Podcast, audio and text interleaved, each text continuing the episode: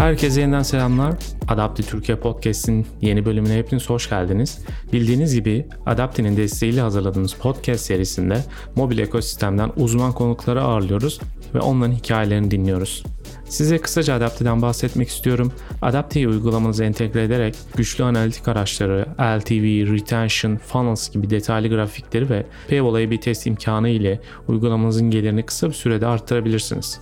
Özellikle yeni yayınladığımız Paywall Builder ikinci versiyonunu görmenizi şiddetle tavsiye ediyorum. Sadece saniyeler içinde native paywall'lar oluşturabilir, test edebilir ve dönüşümlerinizi kolayca arttırabilirsiniz. Bu bölümde Türkiye'de ve dünyada çok popüler bir mobil oyun olan Kafa Topu'nun yaratıcısı Masamo ekibinden Buse ile sohbet ettik. Konuşmamızda mobil oyunlarda marketing hakkında tüm süreçleri inceledik. Şimdiden hepinize iyi dinlemeler. Merhabalar Buse hoş geldin podcastimize. Merhaba Murat, hoş bulduk. Ee, öncelikle davetimi kabul ettiğin zaman ayırdığın için çok teşekkür ederim. Ben teşekkür ederim. Çok memnun oldum. Memnun oldum beni davet ettiğin için. Yani biliyorsun bir yıl belki iki yıl mı bilmiyorum ama uzun bir zaman önce seninle bir şeyler yapmayı planlamıştık. Podcast değildi ama bugüne kısmetmiş. Bence güzel oldu. Bence de güzel oldu. Geç oldu ama güç olmasın. evet. Çünkü birkaç kez aslında biz etkinliklerimizde mobil oyunlarla alakalı içeriklerimiz olmuştu. İstiyorum yani normalde oyun dışı uygulamalar, subscription'larla daha çok ilgileniyoruz ama oyun kategorisinde de bir içerik oluşturmak istedim. O yüzden e, seninle bir yayın yapmak istemiştim. O zaman e, şöyle seni kısaca bir tanıyabilir miyiz seni hiç tanımayanlar için? Neler yapıyorsun? Ne, ne işle uğraşıyorsun şu an? Performans marketing ama e, neredesin? Hangi şirkettesin? Ee, hızlıca anlatayım. Ben Buse Sevinç. Aslen İzmirliyim. Bir 7-8 yıllık İstanbul maceram oldu. İzmir'den İstanbul'a üniversite için gittim. Yıldız Teknik'te endüstri mühendisliğinden mezunum. Daha sonra üniversitede okurken zaten hani bütün öğrencilerin aslında çok fazla talep ettiği o bütün popüler havalı şirketlerde neredeyse staj yaptım. Yani bunlar işte Microsoft, Procter Gamble, e, o dönem eBay Turkey gitti gidiyor, Mercedes gibi şirketlerde. Mezun olduktan sonra aslında böyle teknolojik bir şeylerden kopmak istemeyerek hani o anda elimde olan fırsatlarla telekomünikasyon şirketlerinde çalışmaya başladım. Daha sonra hepimizin başına gelen pandemi süreci. Pandemi sırasında ben İzmir'de ailemin yanına döndüm. İzmir'e geldiğimde de o dönemde hani artık birazcık böyle İstanbul'da da yorulmuştum. Dedim İzmir'de hangi şirketler var bir bakayım hani benim bana uygun, benim yani daha heyecanlı bir şey arıyordum aslında o dönem kendimde. O dönem fark ettim ki 2-3 tane aslında güzel şirket varmış İzmir'de ve hani aslında İzmir'de olduklarını da bilmiyordum. Onları araştırırken e, Masamo'yu yani şu an çalıştığım Masamo şirketini buldum. Oyun şirketi. Yani kafa topu oyununu e, Türkiye'de herkes biliyordur neredeyse. Dünyada da aslında o şekilde. Fark ettim ki kafa topunun publisher'ı yani yayıncısı, yapımcısı İzmir'deymiş. Daha sonra e, işte klasik LinkedIn sayfalarına girdim. Baktım hani bana uygun bir pozisyon var mı diye. Bir pozisyonları yoktu benim için. Daha sonra aslında ben proaktif davranıp e, mesaj attım orada çalışan insanlara, insan kaynaklarındaki insanlara hani ben böyle bir insanım hani bir fırsat olursa hani konuşmak isterim vesaire diye bana hemen geri dönüş yaptılar ve benim mülakat sürecim başladı. O dönem aslında yani hem ihtiyaçları olan hem de benim için yaratılan bir rol gibi bir şey olmuş oldu, yaratılmış oldu. Bu da marketing data analist pozisyonu. Böyle bir pozisyonun aslında oyun şirketlerinde yine bence Masamo hani proaktif, onlar da kendi açısından proaktif ve vizyoner davranarak böyle bir pozisyon açtılar. Çünkü aslında şu anda yeni yeni e, oyun şirketleri, dünyadaki oyun şirketlerinde de bu marketing analist pozisyonları daha sık görmeye başladık. Buradaki pozisyonun amacı da aslında marketing ve data ekibi. Hani bir tarafta daha teknik bir ekip var. Diğer tarafta işte soft skill'leri de olan e, farklı bir dünyadan beslenen bir ekip var. E, bu iki ekibin birbiriyle konuşması lazım. Aynı zamanda işte performans marketing çok analitik bir iş. Ee, burada da hani katkı sağlayacak, işte analizleri yapacak bir insana ihtiyaç vardı. İlk önce bu şekilde katıldım. Birazcık hızlı geçeyim. Bu intro kısmı uzun oldu. Bu kısımları hallettikten sonra performans marketing ekibinde benim için bir şey, fırsat oluştu. Tamamen dedim ben bu işi uçtan önce öğreneyim. Performans marketing ekibine geçtim. Orada da yani bir dört ay sonra en büyük oyun olan hani kafa topunun sorumluluğunu almış oldum. E, dünyadaki isim bu arada Headball 2. Türkiye'de kafa topu 2 olarak geçiyor. aslında hani çok uzun bir zamanımız olsa birazcık hani şirketin nasıl kurulduğu ve exit'e nasıl ulaştığıyla alakalı süreci de paylaşmak isterim ama sanırım şu anda o kadar vaktimiz olmayacak. Belki başka bir session'da bunu konuşabiliriz. Benden çok daha iyi anlatacak olanlar da vardır ki zaten popüler e, bir hikaye. Benim kendi sürecimde ben performance marketing'e geçtim. Daha sonra Kafa Topu 2'nin sorumluluğu geldi. Daha sonra e, aslında diğer oyunumuzun sorumluluğu da bana geçmiş oldu basketbol arena. E, şu an hem mevcuttaki basketbol arena ve e, Kafa Topu 2 Headball 2 oyunundan sorumluyum. Hem de bizim aslında içeride test ettiğimiz yeni oyunları marketing proseslerini e, yapıyorum diyebiliriz yani özetle. Harika bölmek istemedim. çok güzel özetledim bence. Ben de İzmir'de çok güzel firmalar olduğunu biliyorum. Aslında bilmiyordum ilk başta ama dediğin gibi sizin şirketinizin olduğu yere de gelmiştim. E, konuşmuştuk seninle. Orada da birçok güzel şirket olduğunu gördüm. Gerçekten güzel bir fırsat yani İzmir için. Ve Masamon hikayesini de ben de biliyorum. Dileyenler araştırabilirler. Pek zamanımız kalmayacak onun için. Sevindim yani bu şekilde bir hikayen olduğunu bilmiyordum ben açıkçası. Güzel bir fırsat olmuş senin için.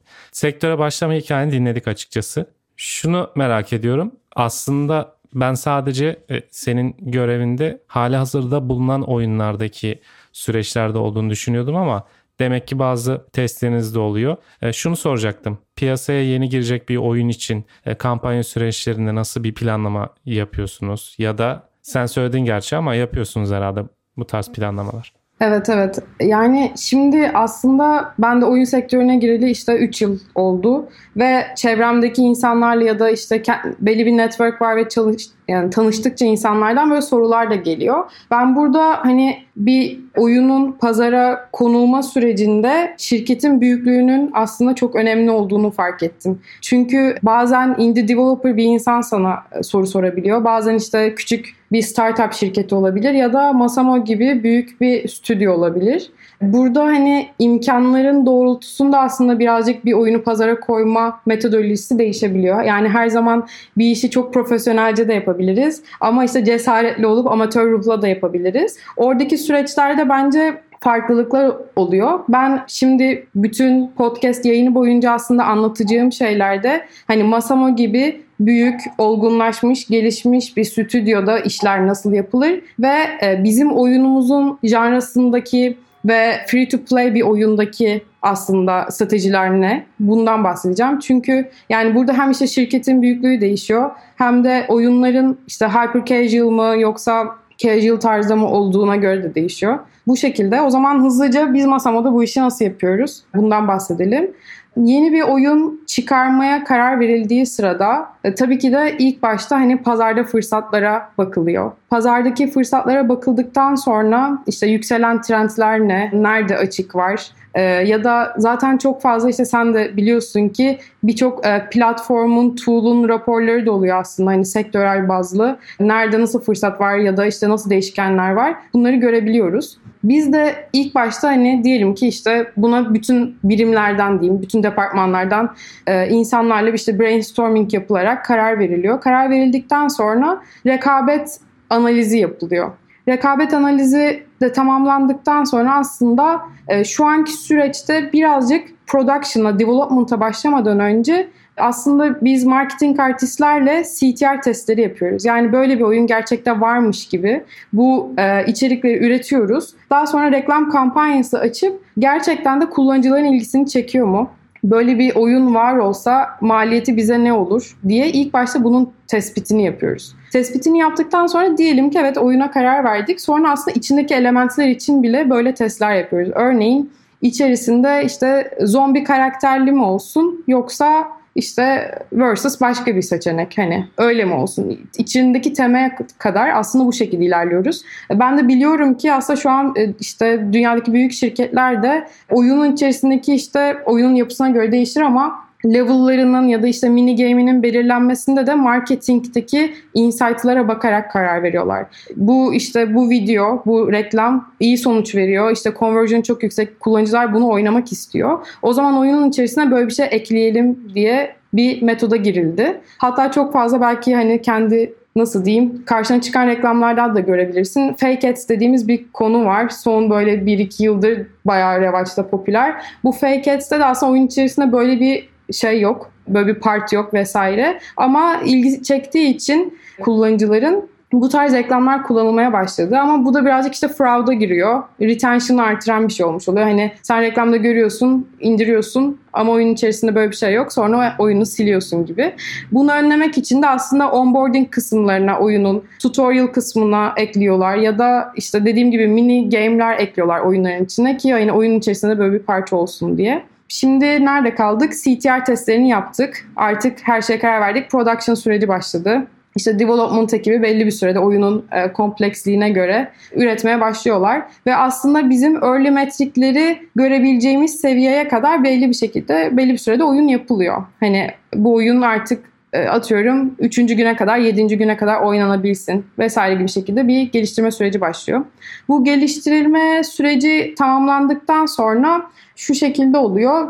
İlk başta soft launch'tan önce bir technical launch dönemi başlıyor. Technical launch dönemi de yani yaklaşık 2-3 hafta boyunca test oyuncularıyla birlikte oyunun içerisinde bir bug var mı? Bütün fonksiyonlar düzgün çalışıyor mu? Patlayan çatlayan bir yer var mı diye aslında kontrol ediliyor. Burada yaklaşık olarak böyle bir hani bu tabii yine bahsettiğim gibi yani şirketin nasıl diyeyim kendi avantajlarına göre işte içerisiye 2000 kullanıcı alarak da bunu test edebilirsiniz. Kendiniz de test edebilirsiniz. Burada da genelde işte hani bir teknik problem var mı diye bakıldığı için işte Filipinler gibi, Doğu Avrupa ülkeleri gibi, Polonya gibi yerler ee, buralardan kullanıcı alınıyor ve işte teknik problem kısmı hallolmuş oluyor. Bu kısım tamamlandıktan sonra ikinci kısma geçiyoruz. Retention e, launch'u yani retention metriklerine bakmak için. Burada da yine göreceli ama işte anlayabileceğimiz bir zaman aralığı olarak yine 3-5 hafta diyebiliriz. Yine içeriye kullanıcılar alıyoruz ve bu kullanıcıların player time'ına bakıyoruz. Yani ne kadar session boyunca session sürelerine, günde kaç kez session yapıyorlar, engagement rate, rate'lerine, bir kez girdi sonra tekrardan girdi mi, giriyor çıkıyor mu oyuncu oyunun içerisine bunlara bakılıyor. Buradan da e, bu oyunun retention'ı, early retention'ları iyi mi? Bunu anlamaya çalışıyoruz aslında. Burada da yani retention seviyelerine bakıldığı için aslında biraz daha artık e, oyuncuların direkt oynamayla alakalı, oyun oynamayla alakalı metriklerine baktığımız için Tier 1'ı temsil edebilecek ülkelere gitmek e, öncelik oluyor. E, burada yine Amerika'ya gitmek hani e, pahalıya mal olacak bir şey. O yüzden hani bir Amerika değil ama Amerika Japonya değil ama yine atıyorum Nordik ülkeler yani yine UK yani kısmı olarak pahalı ama mesela UK, Avustralya, Yeni Zelanda, Hollanda, İrlanda, Kanada gibi ülkelerde aslında bu testler yapılabiliyor. Burada yine metodoloji farklı. Bazı şirketler belli bazı ülkelerde sadece o ülkenin store'unu ekleyerek bunu yapıyor. Bazı şirketler bütün dünyaya açıyor. O yüzden bir şirketin soft launch yapıp yapmadığını hani publisher bazı takip etmek birazcık zor bu rekabet kısımlarında. Ama e, genel olarak işte bir kullanıcı uygulamaya stickiness deniliyor buna. Hani ne kadar yapışıyor yani hani e, ne kadar engage oluyor bu oyunla buna bakılıyor. Burada da yine şirkete göre değişir ama işte 5000 kullanıcı, 5000 install gibi e, cohort süresi boyunca bu tarz bir install almak ve işte bu metrikleri incelemek gerekiyor. Burada bakılan metrikler day 1, day 0, day 3, day 7'da. Bazı şeyleri direkt İngilizce söylüyorum ama sektördeki herkes de hani aynı şeyler olduğu için muhtemelen çok sıkıntı olmayacaktır. Yoksa ben de çok sevmiyorum ama. Evet ama işte bazen de çevirdiğin zaman da anlamını kaybedebiliyor. O yüzden yani şöyle örnek verin mesela bir abonelik tabanlı uygulama için paywall evet. tabirini kullanıyoruz. Yani paywall demediğim zaman anlamını kaybediyor. O yüzden sorun değil. Tamamdır.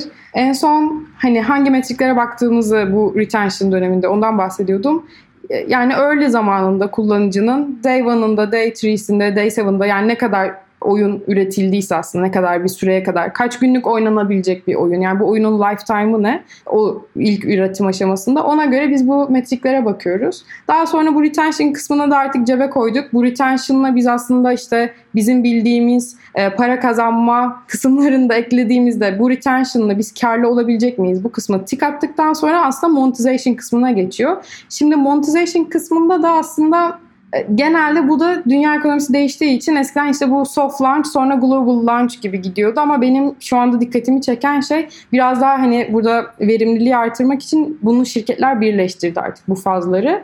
Ve artık diyorlar ki tamam monetization test test edelim. Orada da aslında oyunun monetization yapısı ne? Yani paranın işte yüzde kaçını IAP gelirinden kazanıyoruz, yüzde kaçını ad revenue'den kazanıyoruz ve işte hani benim oyunun içerisindeki e, para kazanılacak eklentilerim neler? Buna bağlı olarak da işte ARPU seviyelerine bakılıyor. RP PU'ya bakılıyor. Yani bir payer'dan e, ne kadar e, ARPU gelir elde ediyorum. Kullanıcı başına gelirlere bakılıyor aslında. Yine bu dönemde hani yine CVR'lere bakılıyor ve predictive predicted LTV hesaplanıyor. Yani artık ben ne kadar e, indirebildiğimi biliyorum. CPI maliyetimi biliyorum. Ve oyun içerisindeki benim monetization tipime göre e, ne kadar bir LTV'ye yani totalde lifetime value'da bir kullanıcı kaç örnek veriyorum dolara ulaşıyorsa bu durum beni kâra çıkartacak mı diye bu kısma bakılıyor.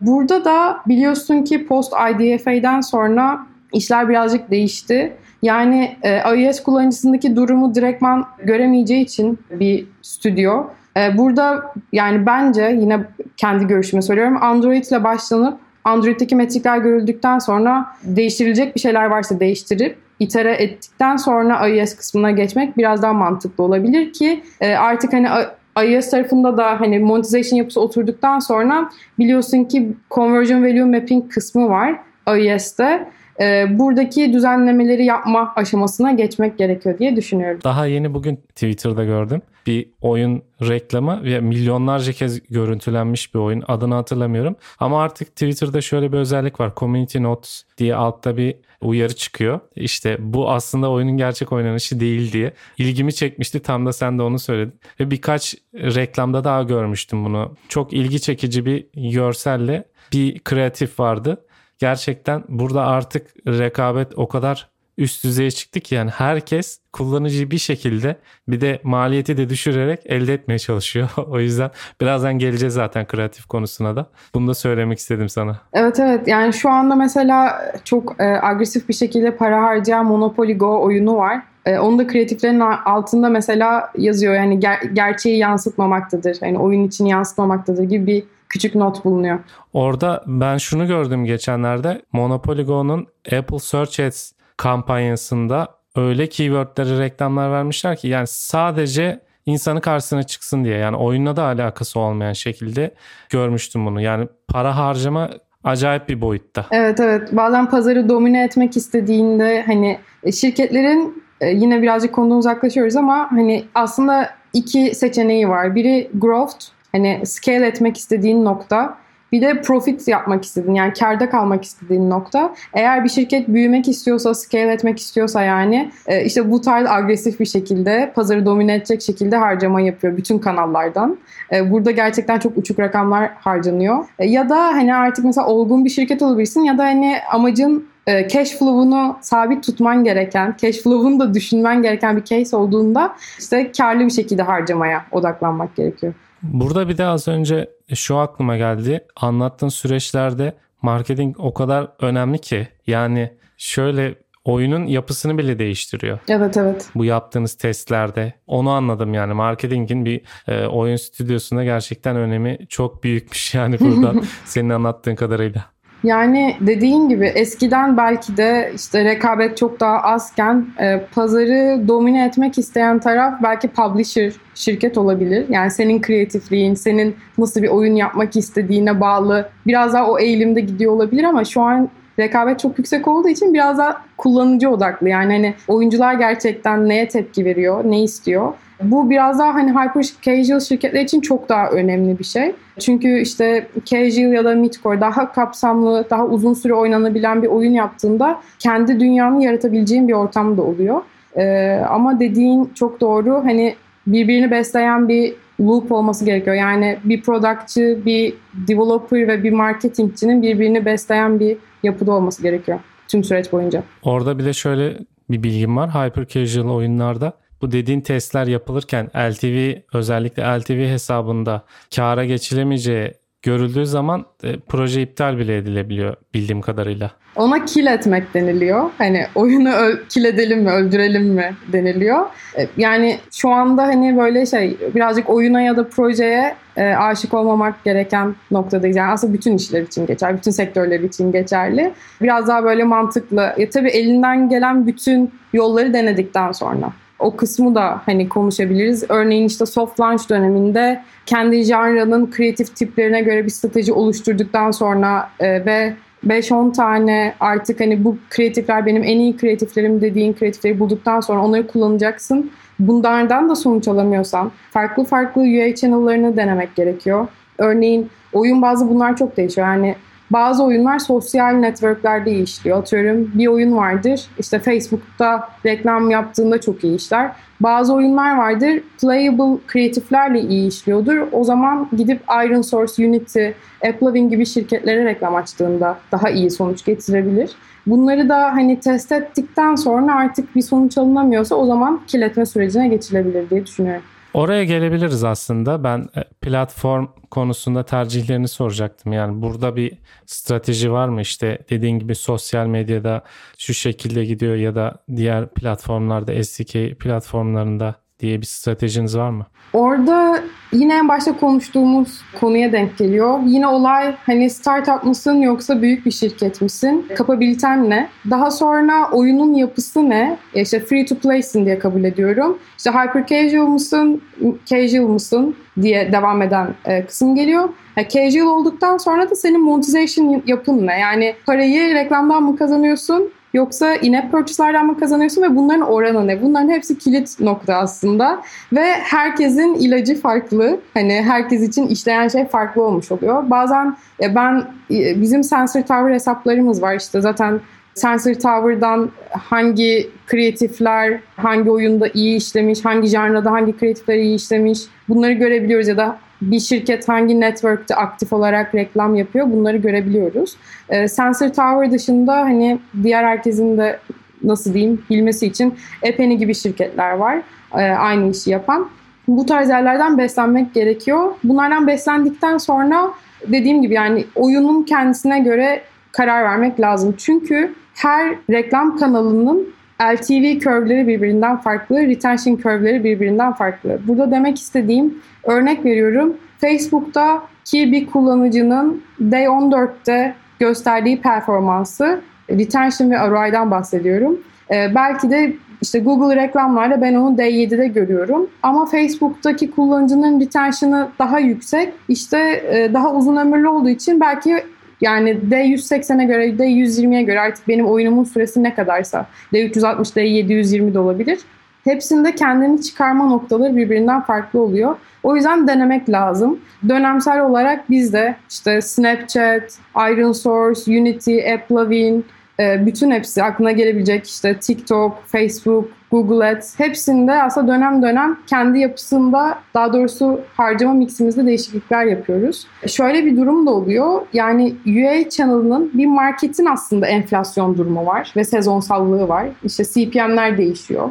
Christmas döneminde değişiyor, Black Friday döneminde değişiyor. Bir o bir sezonsallık var. Bir de dönem dönem bir network'ten, bir kanaldan aldığımız performans da değişiyor. Örneğin TikTok atıyorum 6 ay boyunca çok iyi performans aldık. Daha sonra burada bir değişiklik olabiliyor. Dönemsel olarak işte ağırlığını azaltıp başka bir yere geçiriyoruz. Bazen TikTok'ta yine çok yüksek alıyoruz mesela. TikTok'a ağırlık veriyoruz gibi. Bu mix'i zaten hani performans marketing için yapması gereken şey bu. Android iOS'taki dağılımını değiştirebilir, e, bütçeleri shift edebilir. Aynı zamanda e, kampanya türünde shiftler yapabilir. Yine oyunun tipine bağlı olarak. İşte purchase kampanyası, reklam geliri toplayabileceğin AdROAS bir diğer adıyla da Value Optimization IEA kampanyalarına shift edebilir. Bu tarz değişiklikler yapması lazım. Network network dağılımlarını değiştirebilir. Bu şekilde. Evet. Dediğin gibi platformlardaki değişiklik ya da oynaklık mı diyeyim artık. Bazı zamanki performanslar hiç birbirini tutmuyor.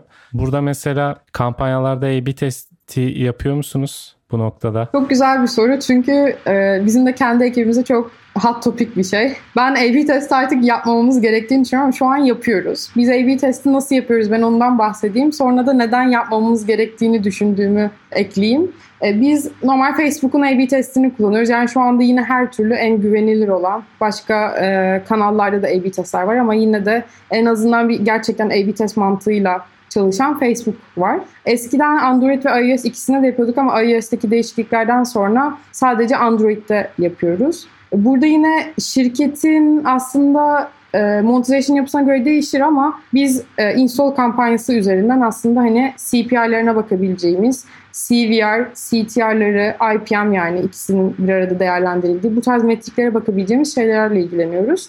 Orada da all time'da yani en son en başarılı olan kreatifimizle yeni kreatif konseptlerimizi yarıştırıyoruz.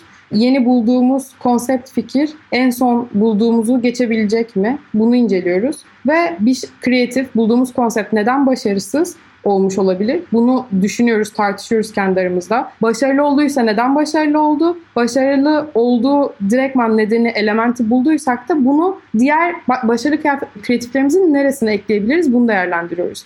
Örneğin işte bir eklenti ekledik ya da bir duygu ekledik, bir efekt ekledik, bir müzik ekledik neyse bu artık. Ee, bunu diğer iyi olanları da ekleyip onları da daha üst seviyeye çıkarmaya çalışıyoruz. Aslında tamamen iteratif bir süreç. Daha iyiye götürmeye çalıştığımız, sürekli optimize ettiğimiz bir süreç olmuş oluyor. Şunu da deniyoruz. Yani yine bu çok olgunlaşmış bir oyunda yapılabilecek bir şey. Diyelim ki işte yeni bir element bulduk onu biz acaba şunu şöyle yapsak nasıl olur diye bir de varyasyon testlerimiz var. Yani iki aşamalı. Bir konsept testlerimiz senaryolar üzerinde. Farklı senaryoları yarıştırdığımız. Bir de o kazananı daha iyi yapmak için onun varyasyonlarını yapıyoruz işte. Atıyorum renklerini değiştiriyoruz. İçerisindeki X bir şeyi karakteri değiştirebiliriz gibi. Şu karakterle olsaydı nasıl sonuç getirirdi? Bir de o tarz bir durumda inceliyoruz. Şimdi gelelim benim kendi görüşüm. Bu konuda yani biz de karar aşamasındayız. Birazcık karşılaştıracağız. Henüz test aşamasında bizde de hani net bir aldığımız bir karar yok. A-B testlerini acaba hani gerçek kampanyaların içinde test etsek daha mı iyi olur bizim için hem maliyet açısından hem karar açısından daha mı iyi olur diye düşünüyoruz. Çünkü e, daha demin konuştuğumuz konu aslında işte Facebook'ta iyi olan bir şey atıyorum Google'da farklı işliyor, Snapchat'ta farklı işliyor, TikTok'ta farklı işliyor gibi durum var. Yani her network'ün de kreatif yapısı ve iyi işleyen şeyler birbiriyle değişiyor.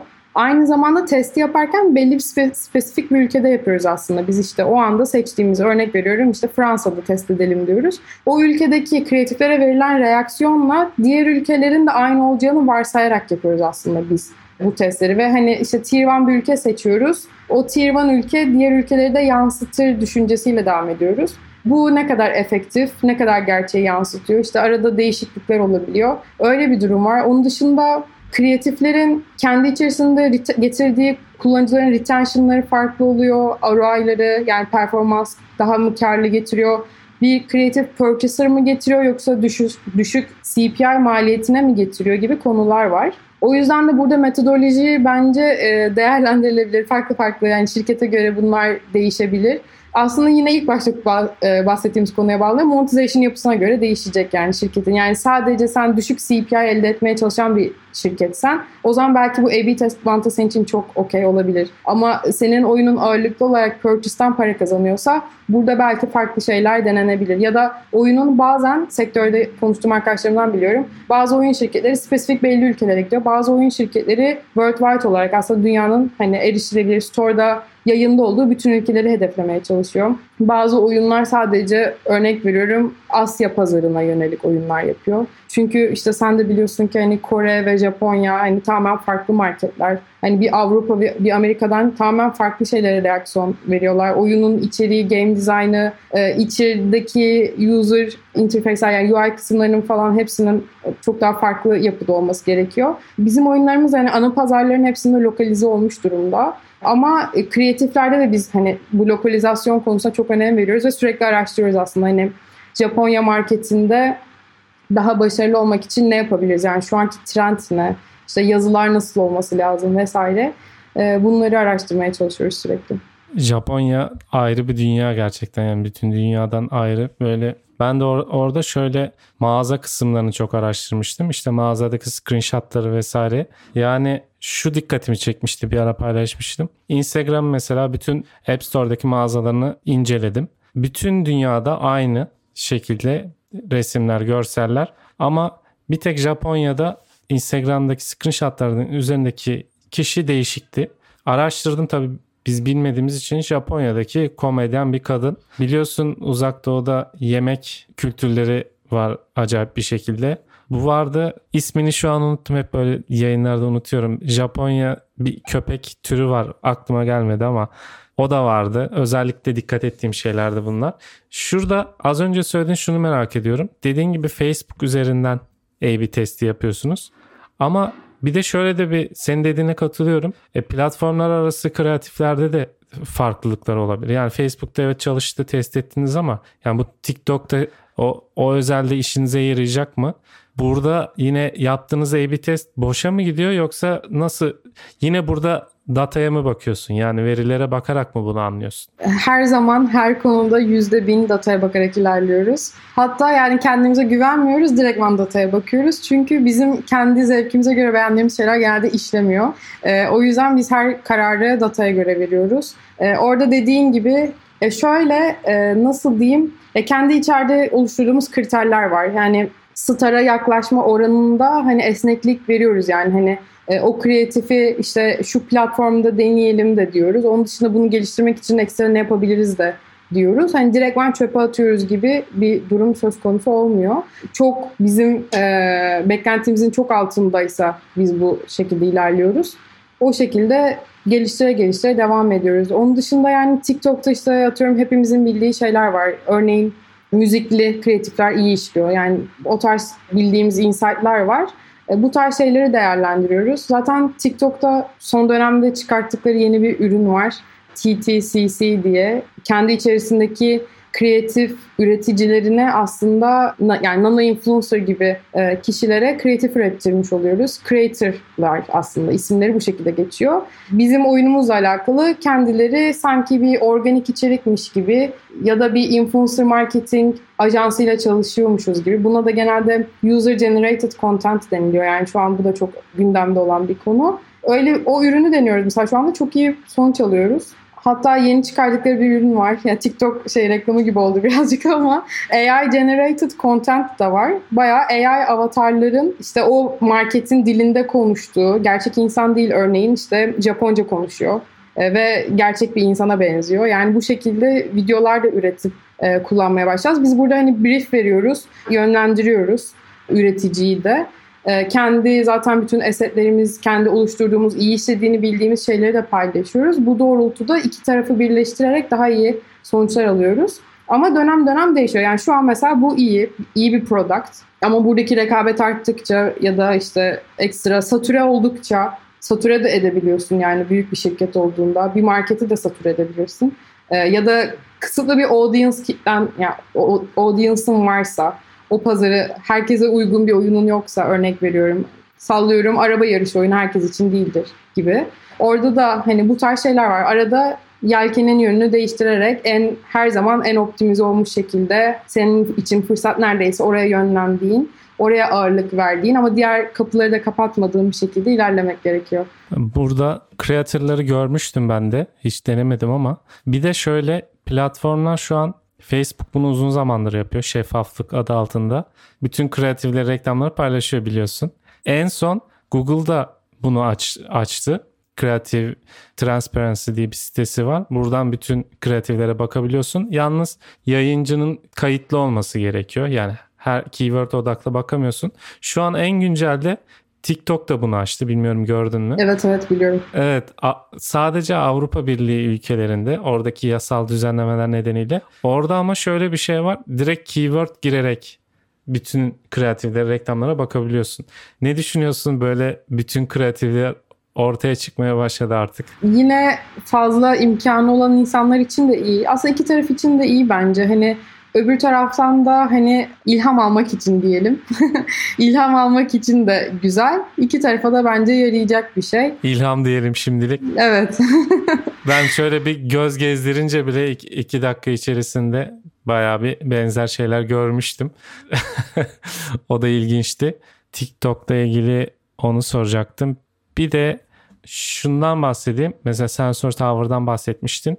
Normal kreatif trendlerini takip ediyor musunuz? İlla Sensor Tower gibi bir tool'a ihtiyacımız var mı bunun için? İlla Sensor Tower gibi bir tool'a ihtiyaç olmayabilir. Yani aslında işte dediğin gibi yani hani normal diğer açık kaynaklardan takip edilerek de böyle bir şey de yapılabilir. Ama e, biz orada yine yaptığımız şeyden bahsedeyim. E, Sensor Tower'dan aslında bize bir aylık kreatif trend raporu geliyor. Hani bizim için hazırlanmış. Hem onları inceliyoruz zaten. Onun dışında bizim işte her hafta düzenli olarak yaptığımız kreatif toplantıları var. Orada o hafta içerisinde ya da yani son toplantıdan önce bir farklılık fark gördüysek onları paylaşıyoruz birbirimize ve hani beyin fırtınası yapıyoruz.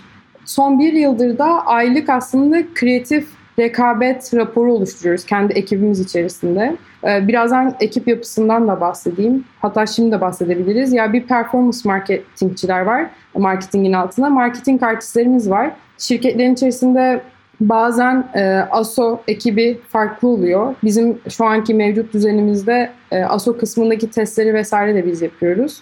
Onun dışında yine bazı şirketlerde influencer marketingler için ekip olabiliyor. Masamo influencer marketing açısından çok güçlü bir şirket. Yani şu zamana kadar e, bayağı bu tarafta aktif olmuş bir şirket. Son dönemde influencer marketing tarafını kullanmıyoruz. Ama normalde hani bu tarz bir yapıdayız denilebilir.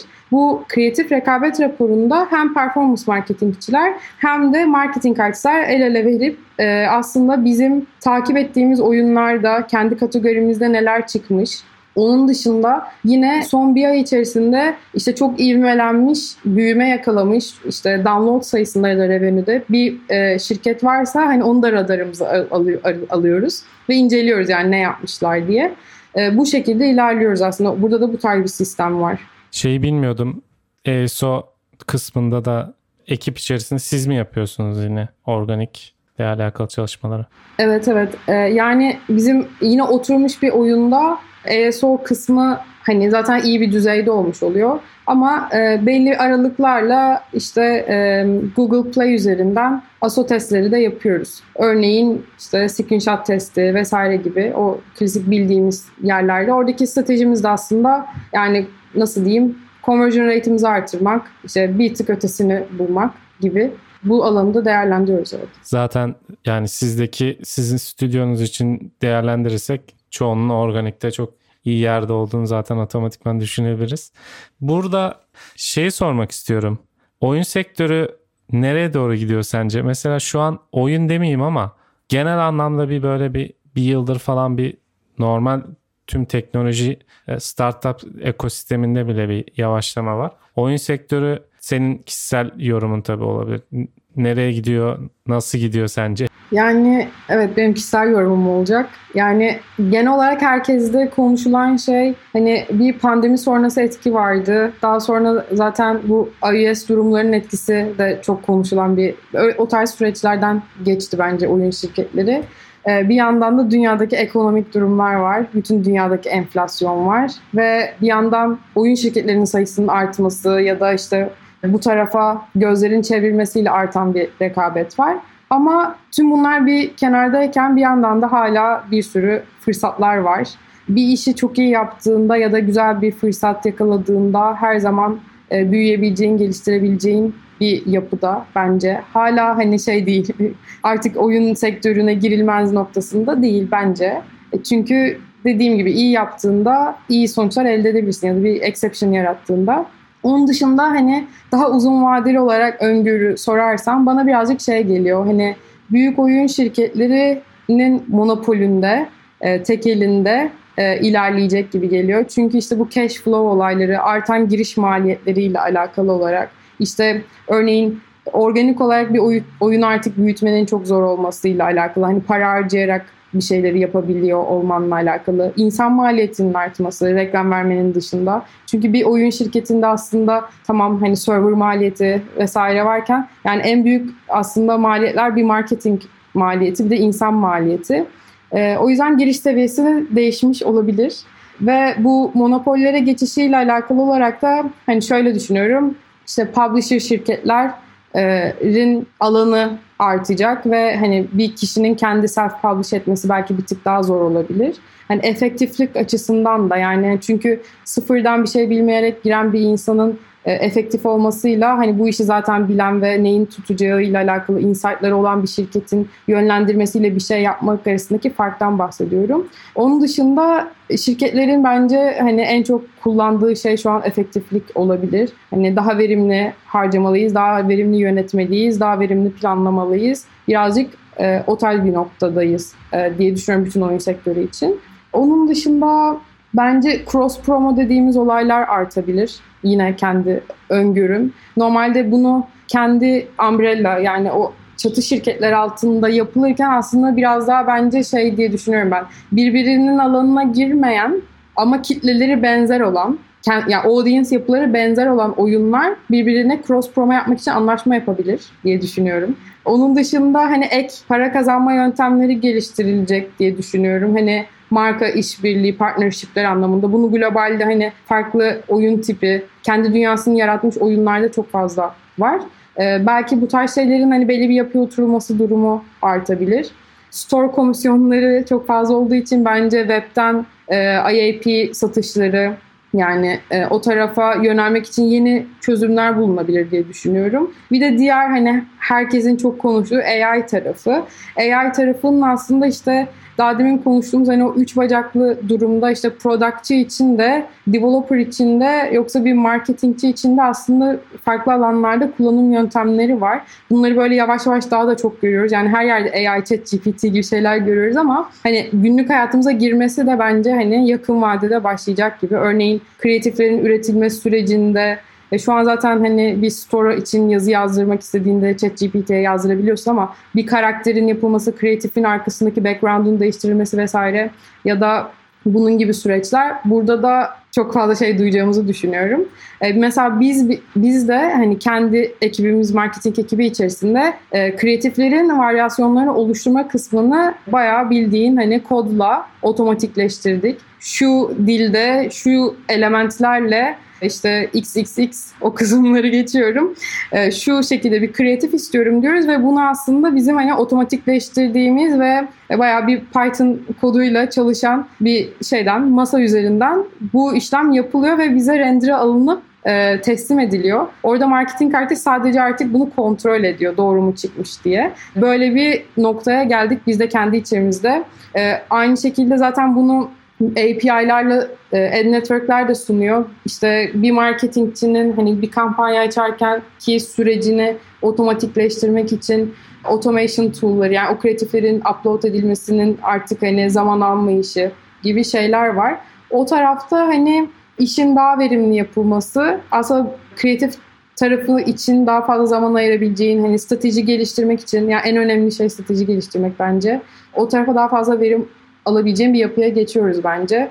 Oyunların da farklılaşması için daha derin e, oyun deneyimleri hazırlaması gerekiyor. Ama şey demiyorum zaten o şekilde olmadığını gördük. Hani bir ara hyper casual ölüyor mu tarzı çok fazla blog yazısı vardı ama hani örnek veriyorum bu tarz bir şey yok yani şu anda. Yani yine işini iyi yaptığında her yerde her şekilde fırsat var gibi bir noktaya geliyor. Ya o zaten her şey için her gün bir teknoloji ya da bir, bir şey ölüyor o yüzden doğru söylüyorsun o konuda ve e, Facebook şu an reklam kreatifleri için AI çözümlerini tanıttı. En son Google'da baya hatta böyle 100 kere AI demişti CEO'su konuşmasında. Bütün hayatımızda girecek senin de dediğin gibi. Ben de bu şöyle bir ekleme yapayım söylediklerine. Ben de şunu düşünüyorum. Başarılı olan bir oyun ya da bir ürün her türlü öne çıkacaktır zaten bir şekilde dediğin gibi. Burada şöyle bir şey biliyorsun bazen bazı şeyler bir anda hype olabiliyor. Çok fazla bütçe veya ekip gerektirmeden sıyrılabilecek. E bu da zaten o hype yaratabilmek de zaten büyük bir başarı. Biraz ona kayıyor gibi durum. Farklı janralarda e, bu ekonomik durumlardan farklı etkilenen işler de var. Yani hani atıyorum bir janra için belki de potansiyel arttı. Hani bu tarz şeyler var işte. Onları iyi analiz edip aslında işte dediğim gibi çok iyi analiz ettikten sonra strateji geliştirmek gerekiyor. Fırsatlar yani hani LTV'nin CPI'ından büyük olduktan sonra bir şekilde her zaman var. Evet. Bu arada Apple'da birazcık iOS tarafında geri adım atmaya yakın gibi. Eski Network'te biliyorsun çok kısıtlamışlardı. Şu an 4.0 geldi. Ben biraz daha geri adım atacaklarını düşünüyorum. Çünkü orada da kendi kazançlarında da bir sıkıntı oldu. Böyle olumlu anlamda bazı şeyler de var diyebiliriz. Android'de de çok yakın bir sıra süreçte olması bekleniyordu. Hani e, ama biraz daha yavaş ilerliyor gibi o taraftaki süreçler. E, biz de yani hem bu süreçle alakalı olarak hani kendi içimizde çözümler bulduk. O şekilde ilerledik. Bence bu tamamen farklı bir podcasting konusu. iOS'de ne yapmak lazım konusu. Ama özetle söylemek gerekirse yani bizim opt-in fena değil. O yüzden de e, opt-in kullanıcılar üzerinden yine kampanya bazlı incelemeye ve hani çift dikiş olarak da ülke bazlı karlılıkları kontrol ederek gitmeye çalışıyoruz. Bahsettiğim conversion mapping'i sürekli optimize etmeye çalışıyoruz. Bu 63 bit olarak belirlediğimiz kısmı ama işte Scan 4.0 ile birlikte değişecek şeylerle bakalım nasıl olacak. Son soru olarak şunu sormak istiyorum sana. İyi bir performans marketingçi de olması gerekenler neler senin için? Tamamdır. İyi bir performans marketingçi olmak için öncelikli olarak trendleri daha demin de konuştuğumuz gibi hepsini çok yakından takip etmek gerekiyor. Bu trendler hem işte marketteki e, işler açısından hem bizim kullandığımız tool'lardaki kanallardaki yeniliklerin takibi açısından çok önemli. Sezonsal olarak işte kendi oyununla alakalı bir event var mı? Dünyada ses getirecek bir şey var mı? Örneğin Dünya Kupası gibi. Ya da e, Christmas senin için bir avantaj oluşturabilecek mi? Ramazan bayramı Arap ülkelerinde, Müslüman ülkelerde senin için bir avantaj oluşturabilecek mi? Bunları çok iyi takip etmek ve planlamak gerekiyor önceden. Birinci madde olarak bunu söyleyebilirim. İkinci madde olarak da analitik kısım aslında. Bir performans marketingçinin kreatif olduğu kadar aynı zamanda analitik olması gerekiyor. Stratejiyi çizebiliyor olması lazım. Ticari olarak cash flow'da ne durumdayız? Büyüme zamanı mı şu anda yoksa profit zamanı mı? Şimdi kemerleri sıkıyor muyuz yoksa örnek veriyorum şimdi harcamamız lazım gibi aksiyon alıcı e, stratejik kararları alabiliyor olması lazım. Aslında üçüncü söyleyeceğim şimdi e, benim en çok gördüğüm eksiklik. Genelde şöyle oluyor. Herkes kendi departmanındaki şeyleri hakim olduktan sonra geri kalan beni ilgilendirmez noktasında olmuş oluyor ama e, bir performance marketingçinin gerçekten işi böyle tüm kapsamıyla anlayabilmiş olması, anlamış olması çok kritik. Yani sistem nasıl çalışıyor, makinenin çarkları nasıl dönüyor, bunu anlamak lazım. Çünkü yaptığın şeyi örnek veriyorum hani e, tüm departmanları olan bir oyun şirketinde client ekibindeki herhangi bir şeyi etkiliyor mu? Onlara haber vermek lazım mı? Senin yaptığın işlemden sonra backendçilere işte sisteme nasıl bir yük oluşacağıyla alakalı haber vermen gerekiyor mu? Data ekibine şimdi bize şu data lazım ya da biz şuna bakmak istiyoruz gibi hani konuşabilmesi gerekiyor aslında bir performance marketingçinin de ya da channel'ların optimizasyonlarında hepsinin algoritması farklı, hepsinin kullandığı şeyler farklı. E, genel yapı aynı olsa bile aslında oradaki işte self-attributed network ne demek?